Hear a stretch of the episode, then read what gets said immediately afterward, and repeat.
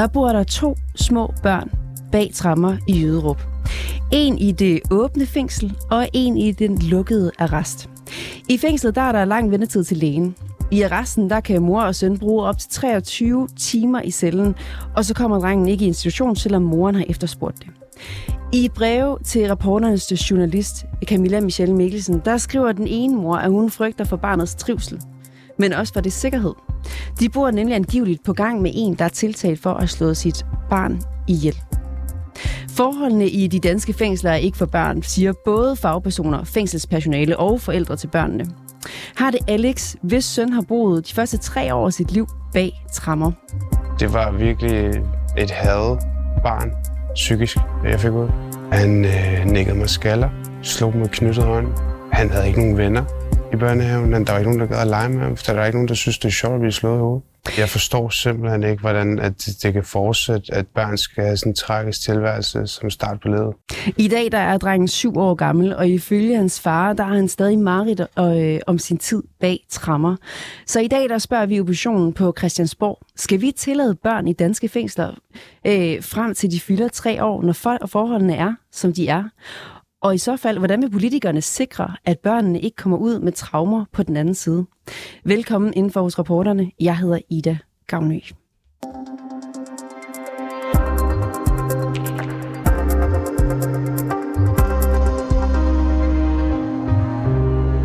Vores reporter Camilla Michelle Mikkelsen har talt med en række social- og retsordfører på Christiansborg. Mens Liberal Alliance er klar til at indføre forbud mod, at børn kan bo med deres forældre i fængslet, så vil de andre partier hellere ændre rammerne for børn bag trammer. Vi har inviteret to gæster i studiet i dag, som skal hjælpe med at vurdere de politiske forslag ud fra de vilkår, som børnene lever under i dag. Bo Yde Sørensen, du er formand øh, for Fængselsforbundet. Velkommen til. Mange tak. Og også velkommen til dig, Helena Lund. Du er klinisk psykolog, og så har du blandt andet erfaring med traumebehandling af børn. Velkommen til. Tak. Lad os lige... Jeg har nogle forskellige klip. Og jeg synes, at vi lige skal prøve at høre det første klip. Det er Katrine Dag, øh, Daggaard, som er øh, socialordfører for Liberal Alliance. Reporter Camilla Michel spørger hende, om vi kan tillade børn i danske fængsler, når de... Øh, øh, om vi kan tillade børn i danske fængsler, når forholdene de er, som de er. Nej, det mener jeg ikke, at, øh, at vi kan, øh, så længe forholdene er, som de er. Jeg synes, det er en svær situation også at, at lave rigtig gode forhold for børn, fordi vi skal jo også passe på, at vi heller ikke øh, laver øh, forhold sådan, så at man risikerer, at, at folk faktisk begynder at tage deres børn med i fængsel. Endnu mere, end, end hvad det sker i for, forvejen for måske at, at afzone under bedre vilkår. Eller øh, ligesom vi jo har hørt i, i nogle af jeres afdækninger, øh, altså at indsatte får børn med hinanden. Jeg synes ikke, et fængsel er et sted for børn. Det er jo et ekstremt hårdt miljø, og jeg mener, barnets trivsel og velfærd og sikkerhed er truet sådan et sted.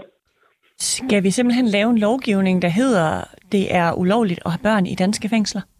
Ja, det, det, det kunne jeg godt øh, umiddelbart være tilhænger af. Jeg har meget, meget svært ved at se, at, øh, at børn har godt af at, at være i et fængsel. Jeg er helt med på, at man ønsker at, at ikke afbryde måske en relation imellem mor og barn, men, men altså barnets trivsel skal stå foran øh, en mors ret til at se sine børn. Og der er jo en grund til, at folk kommer i fængsel. Det, det er jo kriminelle mennesker, som skal afzone en straf. Og der synes jeg altså ikke, at det er... Jeg, jeg kan ikke se barnets tag i, at det skal med i fængsel. Helena Lund, Katrine Daggaard fra Liberal Alliance betoner barnets trivsel som argument for, at børn ikke skal være i fængsler. Vi har set eksempler på mødre, som er dømt for personfarlig kriminalitet, men hvor at forældreevnen den er okay. Hvad er bedst for barnet i sådan et tilfælde, når vi tænker på tilknytning? Ja, det er jo et stort og ret svært spørgsmål, og jeg tænker, at, øh, at det kommer altid an på en konkret vurdering. Øh, jeg kan godt se, at øh, sådan som fængslerne ser ud i dag, så er det jo ikke den mest børnevenlige eller hensigtsmæssige opvækstmiljø, man tilbyder børnene. Øhm, så jeg tænker, at, øh, at øh, det er øh, rigtig vigtigt, at man tænker tilknytning som noget bredere end kun øh, omhandlende relationen til mor. Det handler jo også om mors øh, psykiske og fysiske trivsel og, og helbred, men også de øh, ydre omstændigheder og, og de relationer, som mor og barn har mulighed for at, at danne. Så du ser faktisk, at det godt kan være godt i, i mange tilfælde at tage barnet fra moren, hvis hun sidder i, i fængsel, i forhold til, hvis man tænker på barnets trivsel? Ja, igen, det kommer jo helt an på en, øh, en, en konkret vurdering, øhm, men jeg, jeg har svært ved at se, at mors øh, trivsel og helbred og velvære er, er optimal i et fængsel, sådan som situationen er lige nu. Jeg har et klip mere fra Katrine Daggaard, som er socialordfører for Liberal Alliance, som jeg lige synes, I skal høre. Nu siger du godt nok, at I faktisk i LA vil gå så langt som, at vi skal forbyde børn i danske fængsler. Lige nu er det jo sådan, at de godt må være i fængslerne indtil de er tre år. Hvordan kan vi sikre, at de ikke kommer ud på den anden side med traumer og skader, når de sidder derinde? Der sidder lige nu to børn i Jyderup. Øh, det, det mener jeg faktisk ikke, at man kan sikre sådan, som øh, forholdene er pt. Altså, det er jo det værste ved det. Øh, og derfor så må, øh, så, så må der jo stilles spørgsmål til ministeren, om det er noget, øh, noget lovgivning, der skal, eller hvordan hun vil sikre børnenes udvikling og tag. Fordi hvem, hvem taler børnenes sag? Ja, det er der Det jeg mange, der der, der stiller spørgsmålstegn ved. Ja, ja. Jeg tænker faktisk både, det er rosenkrantz teil men jo også justitsministeren. Peter Hummelgaard. Øh, Det er jo øh, under hans område også. Så det, det kunne jo passende stilles til dem begge to. Ja, så lige for at opsummere, øh, Katrine Daggaard, hvad er det, du vil spørge øh, Pernille rosenkrantz og Peter Hummelgaard om? Jamen, hvordan at øh, de finder det rimeligt, at børn kan afzone op til tre år under de her kritisable vilkår, som vi jo øh, har hørt afdækket øh, og kritiseret, og hvem der specifikt har børnenes tag i det her, og sikrer deres ret. Bo Yde Sørensen, du er formand for Fængselsforbundet. Kan vi sikre børnenes trivsel i øh, danske fængsler i dag? Jeg, jeg vil godt lige starte med at sige, at øh, jeg her i dag jo alene udtaler mig i helt generelle vendinger. Øh, jeg har ikke øh, nogen kendskab til de konkrete børn, som sidder i fængslerne, og hvis jeg havde, ville jeg heller ikke udtale mig om det. Så det er helt, kon- helt konkret, øh, at, eller helt generelt, jeg, jeg udtaler mig i dag. Mm. Jamen, vi kan sige, også som fængselsbetjent, vi vil selvfølgelig gøre alt, hvad vi overhovedet kan for at passe øh, på de børn, der måtte være i, øh, i, øh, i vores i Kriminalforsorgens varetægt. Øh, når det er sagt, så er jeg også nødt til at sige, at øh, det, det, det har, vi har ikke muligheden for os at, at, at holde opsyn med de her børn konstant. Det, det, det er simpelthen ikke muligt. Det er der ikke mandskabet til øh, ude på vores fængsler og resthus. Øh, uagtet vi gør det så godt, som vi kan, så er der ikke mandskab til. Vi kan være alle steder, og vi kan være øh, et sted, hvor der er et barn hele tiden. Så vi har ikke muligheden for at, at beskytte de her børn. Vi har ikke mulighed for at holde opsyn med, med dem og deres omgivelser. Så, så, så, så det er ikke en mulighed, som det ser ud i dag. Øh, og jeg vil sige, øh, selv når jeg går 10 år baglæns, øh, jeg har været i Kriminalforsorgen siden øh, 1999, selv når jeg går 10 år baglæns, så kan jeg ikke huske en situation, hvor jeg vil sige, nu er det fuldstændig trygt og godt for et barn at være i et fængsel. Mit udgangspunkt, det er, at børn hører ikke til et fængsel. Mm. Katrine Daggaard øh, taler om måske at indføre lovgivning, der direkte forbyder børn i fængsler. Helena Lund, vil det være hensigtsmæssigt at gøre, hvis vi vurderer ud fra barnets tag? Det kommer jo an på, hvad man mener med at forbyde. Altså, jeg er helt enig med... med, med Altså, hvis de, må ikke, hvis de ikke må bo der? Ja, jamen altså, jeg kan ikke udtale mig om, øh, om øh, lovgivning og forbydelser, men, men jeg kan sige, at øh, jeg er helt enig med, at børn hører ikke hjemme i et fængsel, fordi der er simpelthen ikke mulighed for, at børn kan udvikle sig i den øh, retning og i den positive forstand, som, øh, som børn har brug for. Har du selv oplevet fængsler, hvor du tænker, der vil... Ja, jeg har været på besøg i en del fængsler og besøgt forældre, øhm, og jeg har endnu ikke set et fængsel, hvor at, øh, det vil være hensigtsmæssigt for et barn at øh, have et, sin første leveår. De andre ordfører, de er enige i, at vi ikke kan tillade børn i danske fængsler, ud. øh, vi ikke kan tillade dem de forhold, som de har i dag. Men de vil ændre rammerne i stedet for at lovgive mod børn bag trammer. Spørgsmålet er, hvordan de vil sikre barnets tag. Det her er øh, Torsten Geil, som er øh, social- og retsordfører fra Alternativet, et specifikt bud på. vi skal skabe nogle bedre øh, muligheder for, for, for tryghed øh, for de børn. Og det kunne for eksempel være at finde nogle penge til at uddanne fængselspersonalet. De er jo meget tæt på de børn her i, i en meget, meget vigtig del af børnenes liv, og, Og det er jo klart, at jo mere de ved om, hvad der skal til for at, at, at hjælpe moren med at, at gøre børnene trygge, jo bedre det er for, for barnet. Så det er en ting. Jeg ved ikke, om man også kunne ansætte pædagoger eller deltidspædagoger, hvis det er sådan, at der er børn nok til det. Men i hvert fald sørge for at bakke op om den her mor, og sørge for, at, at, at barnet bliver på, hos hende, hvis hun på nogen måde kan passe det med, med, med hjælp fra omgivelserne. Så det er jo noget, vi er nok nødt til at snakke om, og også finde noget økonomi til. Mener du, at vi skal prioritere økonomien til at hjælpe de her børn, der jo så kommer med deres forældre i fængsel?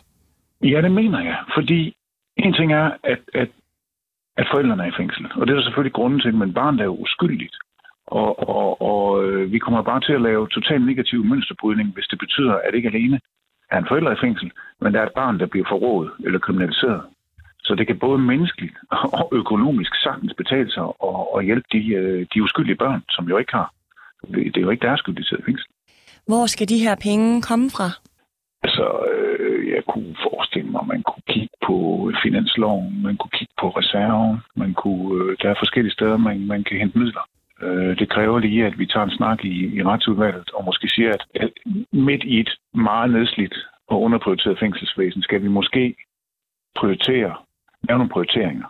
Og en af dem kunne være børnene, indtil vi formår at lave et lidt, lidt mere generelt løft. Torsten Geil fra Alternativet her, han vil finde penge til at uddanne fængselspersonale og eventuelt ansætte pædagoger. Bo Yde Sørensen, hvad vil det betyde for jer, hvis der bliver, bliver afsat penge til efteruddannelse? Ingenting. Hvorfor ikke? Jamen, fordi allerede i dag kan vi, vi, vi har ikke mandskabet til at sende folk på efteruddannelse. Altså, det, det, det, vi, vi skal have en sikkerhedsmæssig bemanding for at drive et fængsel, og i dag kan vi ikke engang komme på kursus øh, i, øh, i de greb, vi for eksempel må bruge, hvis vi skal anvende magt over for de indsatte. Det har, det har vi ikke været på i årvis, for vi har ikke mandskabet til at afløse de kollegaer, som øh, måtte skulle på kursus. Så, så, så man kan sagtens finde nogle penge til det her, men det vil ikke gøre nogen forskel, for vi kan ikke finde mandskabet til at afløse. Så, så, så, Hvad hvis man ansat nogle ekstra pædagoger, for eksempel? Så. Ja, men de ekstra pædagoger kan jo ikke udgøre det for sikkerheden i et fængsel. Det, det er fængselsbetjentene, der står for, for sikkerheden, for orden og sikkerhed i fængsel. Og der, der, så kan vi sige, så kan vi sådan set ansætte 50 øh, psykologer eller pædagoger eller andre. Det mener jeg øvrigt, vi vil have en god idé, hvis man nu måtte holde fast i, at vi skal have børn i fængslerne, hvilket jeg mener er forkert. Men, men så vil det give god mening at have nogen, nogen, nogen med en børnerelevant og en børnefaglig uddannelse omkring de her børn, men det ændrer ikke på, vi, vi har ikke fængselsbetjente i kriminalforsorgen til at drive kriminalforsorgen, som, som det ser ud nu. Så, så så, så vi har ikke noget at opgradere med. Mm. Helena Lund, Thorsten Geil, han taler om en risiko for negativ mønsterbrydning ved at have børn i, i fængsler. Hvordan oplever du risikoen for en uhensigtsmæssig udvikling med de rammer, der skitseres i fængslerne i dag? Jamen, øh, altså den er ret stor. Altså de historier, som vi hører om de børn, der opholder sig i fængsel, Altså, det er jo øh, øh, hjerteskærende at høre for et, øh, for et øh, øh, forældrehjerte og en børnepsykolog, øh, som jo ved, hvad det skal til for, at et barn udvikler øh, en, en, en sund øh, kognitiv evne, relationel evne, øh, mentaliseringskompetencer og, og tilknytningskompetencer. Øh, altså de, de øh, forudsætninger, som et fængsel tilbyder, øh, gavner ikke ligefrem den sunde udvikling hos børn. Hvad kan konsekvensen være for børnene her? Jamen konsekvensen kan jo være, at et barn øh, udvikler en, en hæmmet relationel kompetence, fordi at øh, afhængig af situationen i fængsler, og jeg skal sige, at jeg har jo ikke besøgt de børn, der, der opholder sig i fængslet nu, så jeg kender jo ikke til de konkrete sager.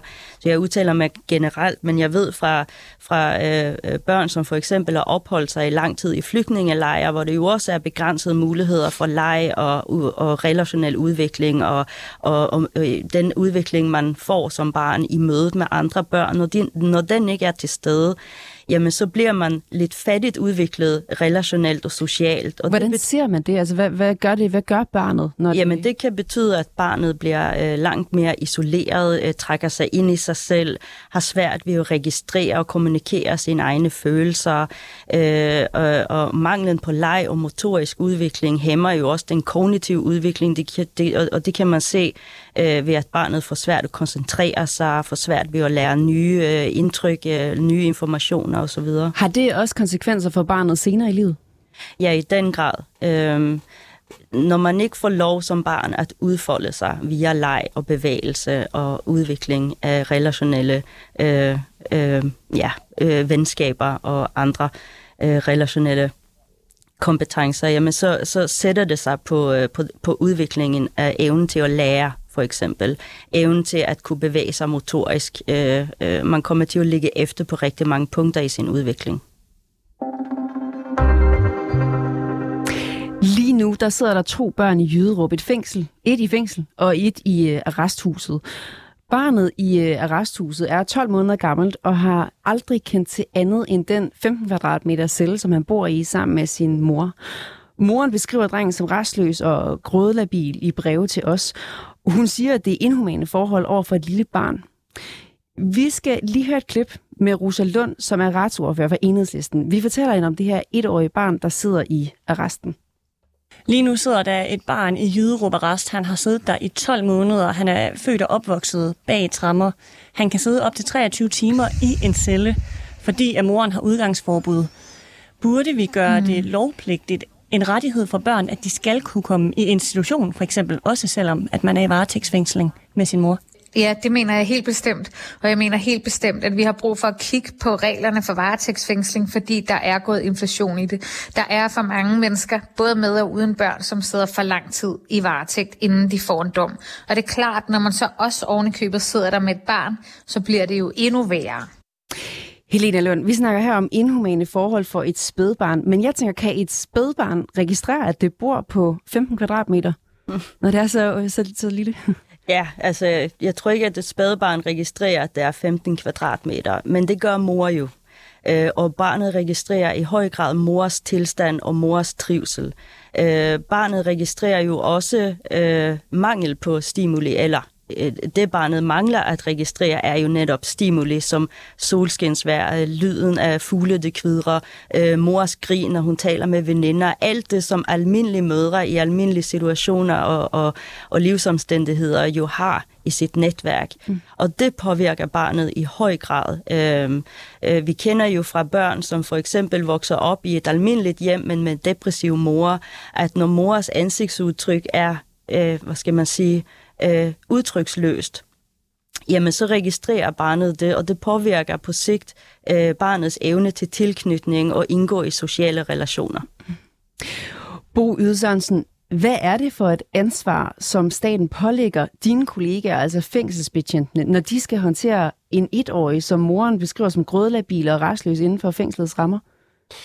Jamen, jeg mener faktisk, det er et, øh, et, et, et, et ansvar, vi får lagt på vores skuldre, som øh, ikke skal ligge på vores skuldre. Vi er ikke uddannet til det, og vi har ikke øh, rammerne til det. Øh, så, så, så, så jeg mener simpelthen på alle måder, at det er en, nogle forkerte omstændigheder at, øh, at anbringe børn i, i et, i et fængsel, og det er så uanset om det er et fængsel, altså om det, det er før du har fået dom, eller mens du sidder i varetægt, øh, eller undskyld, mens man afsoner.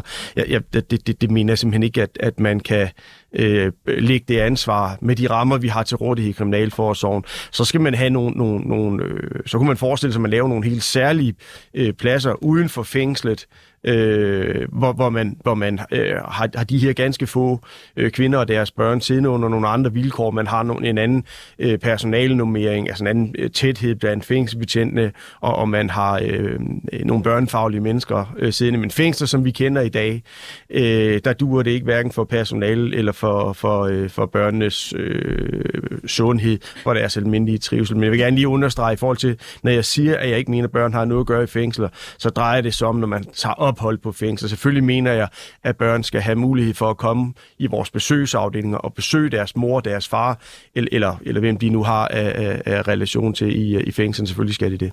Lad os lige tage endnu et klip. Og i det her klip, der skal vi høre fra øh, Karina Lorentzen, som er retsordfører for SF. Altså, kan vi bare lige slå det helt fast? Giver det nogensinde mening, at der sidder et barn, der ikke kan komme i institution, fordi mor er kriminel? Nej, det synes jeg ikke giver mening. Og det viser jo med al tydelighed, hvordan vi har brug for lovgivning omkring det her område.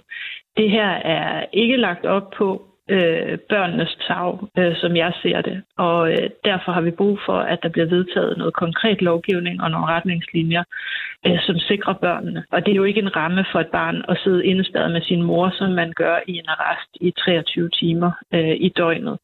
Og det er der, jeg mener, at vi bliver nødt til at kigge på, hvad er det for nogle rammer, der skal til, hvis vi skal kunne lykkes godt med det her. Og det har man ikke gjort på nuværende tidspunkt, og det er det, jeg synes, man skal gøre.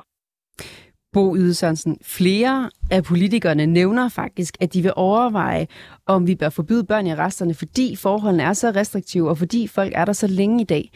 Er du enig i det? Ja, det, jeg, jeg, jeg mener simpelthen ikke under nogen omstændigheder, at børn har noget at gøre i, i, i et fængsel, når de er sammen med en, der afsoner fast igen. Som besøgende, ingen problem. Der har vi nogle helt andre øh, vilkår, om man er i to timer, tre timer, et afgrænset øh, tidsrum. Men, men, men at bo der fast i en periode over flere år, det, det, det, det, det, det kan simpelthen ikke... Øh, det, det, det, ingen kommer til at overbevise mig om, at det giver nogen som helst mening. Så skal vi forbyde børn i fængsel også? Ja, jeg synes, man bør lave øh, lovgivning om. Jeg synes ikke, vi bør have, have, have børn i fængsel, nej.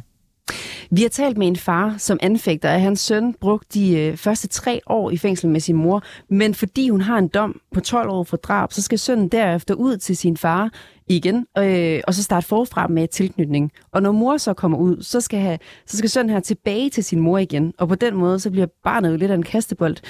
Helena Lund, når vi har en forælder, der er dømt for personfarlig kriminalitet og sidder inde længere end tre år, er det så bedst for barnet tilknytningsmæssigt, hvis det er ude hos den anden forælder eller i en plejefamilie, så barnet ikke fjernes fra moren, når det fyldes tre, fylder tre år? Øh, altså, jeg tænker, at, øh, at en mor kan jo, eller en forælder kan jo sagtens være en god forælder, på trods af den kriminelle handling, som nu engang måtte føre til en fængsling.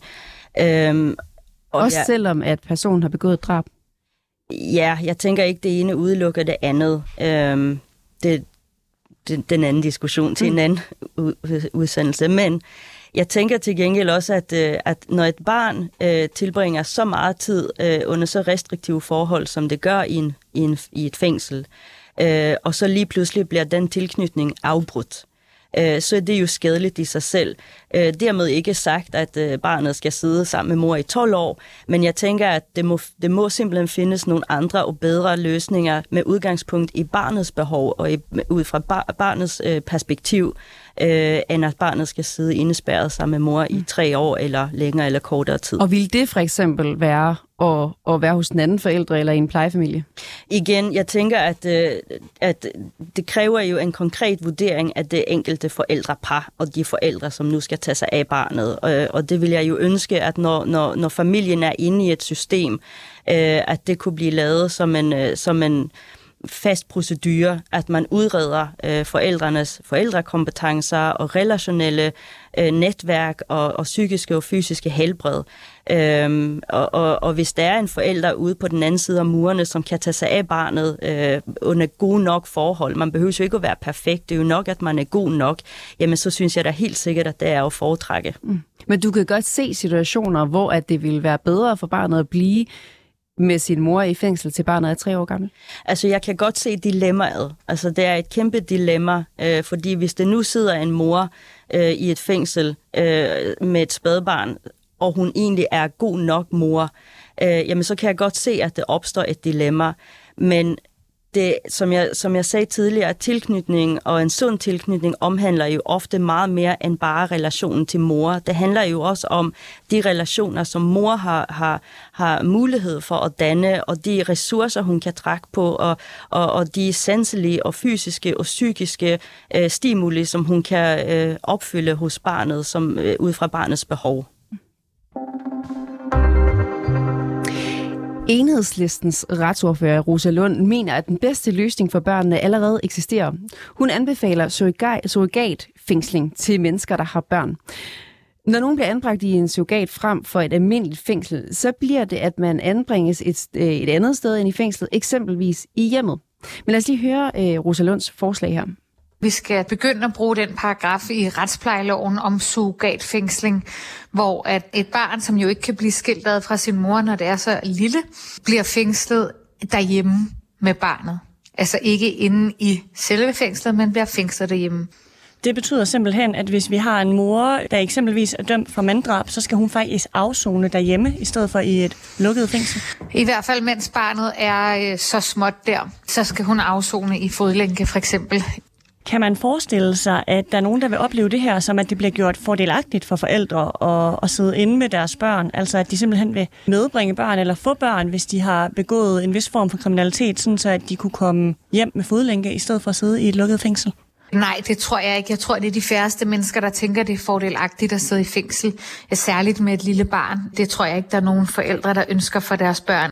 Det er noget, man har gjort før. Det er en paragraf, som findes i, øh, i retsplejeloven, så det er altså ikke noget, jeg bare lige sidder her og finder på. Engang var det helt normal praksis i dansk ret. Man må jo være i fængsel i Danmark op til man er tre år. Hvad nu, hvis der er tale om et toårigt barn?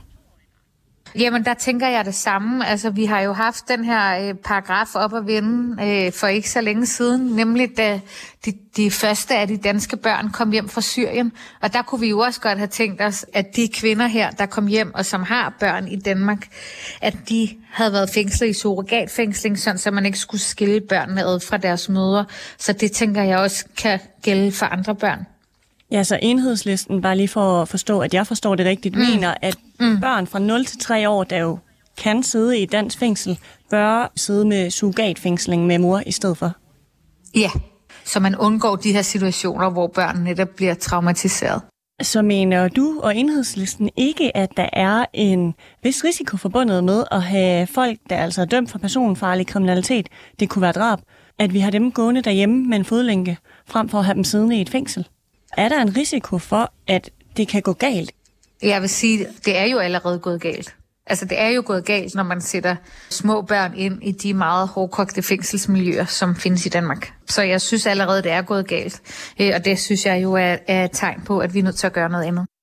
Helena Lund, fra et børnefagligt perspektiv, er det så en god løsning med surrogatfængsling, hvor at forældrene får fodlænke på og afsoner hjemme?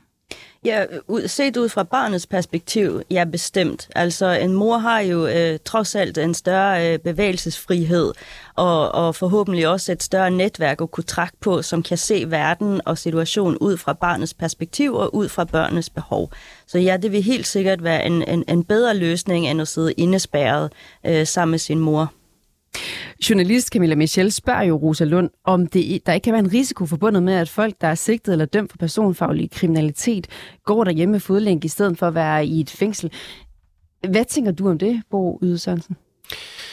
Jamen, det, det er vel en afart af det, jeg øh, nævnte tidligere. Nu kalder Rosa Lund for surrogatfængsling.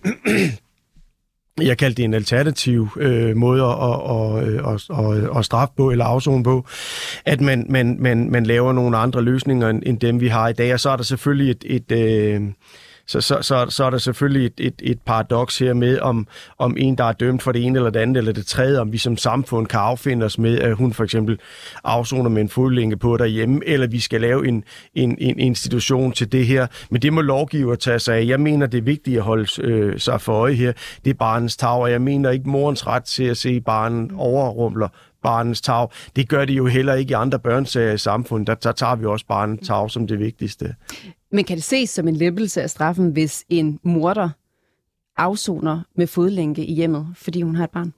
Ja, det er noget, lovgiver må tage, må, må tage stilling til, om, om, om, om samfundet kan leve med det. Og så må vi jo som borgere efterfølgende beslutte, når vi står nede i stemmeboksen, om vi er enige med lovgiver i det. Men, men det er noget, lovgiver i sidste ende skal beslutte. Mm. Hvad, hvad, hvad er der af, af redskaber i værktøjskassen til de dommer, der skal træffe den afgørelse i den konkrete sag? Og det, det, det er ikke den rigtige til. Det, det er de øh, politikere, vi har valgt til at sidde på Christiansborg, der i sidste ende må beslutte, om samfundet kan leve med det.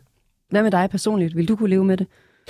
Jamen altså, nu er vi jo øh, ikke lige mig, for jeg er forbundsform, men, men mine kollegaer, der er fængselsbetjent, vi er embedsmænd, og, og vi gør, hvad vi får besked på. Det er også derfor, uanset hvad vi mener, at det rigtige eller forkerte med børn i fængslerne, så passer vi dem, nu de er det ud på den bedst mulige måde, vi kan.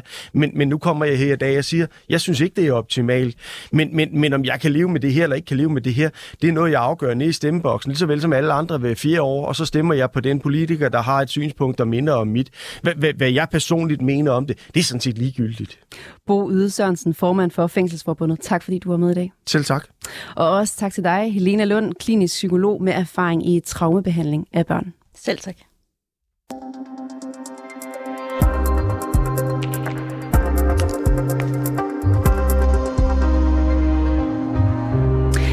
Tak fordi I lyttede med til reporterne i dag. Husk, at I altid kan byde ind med ris og ros, hvis I lyst til det, på vores app, øh, vores 24-7-app, eller på reporterne-247.dk. Og der kan I altså også sende tips ind, hvis I, øh, I skulle have nogen af dem. Jeg hedder Ida Gavny, og øh, ja, som sagt, tak fordi, at I lyttede med i dag. Du har lyttet til reporterne på 24 /7. Hvis du kunne lide programmet, så gå ind og tryk abonner på din foretrukne podcasttjeneste, eller lyt med live mellem 15 og 16 på 24 /7. Tips kan altid sendes på reporternesnablag247.dk.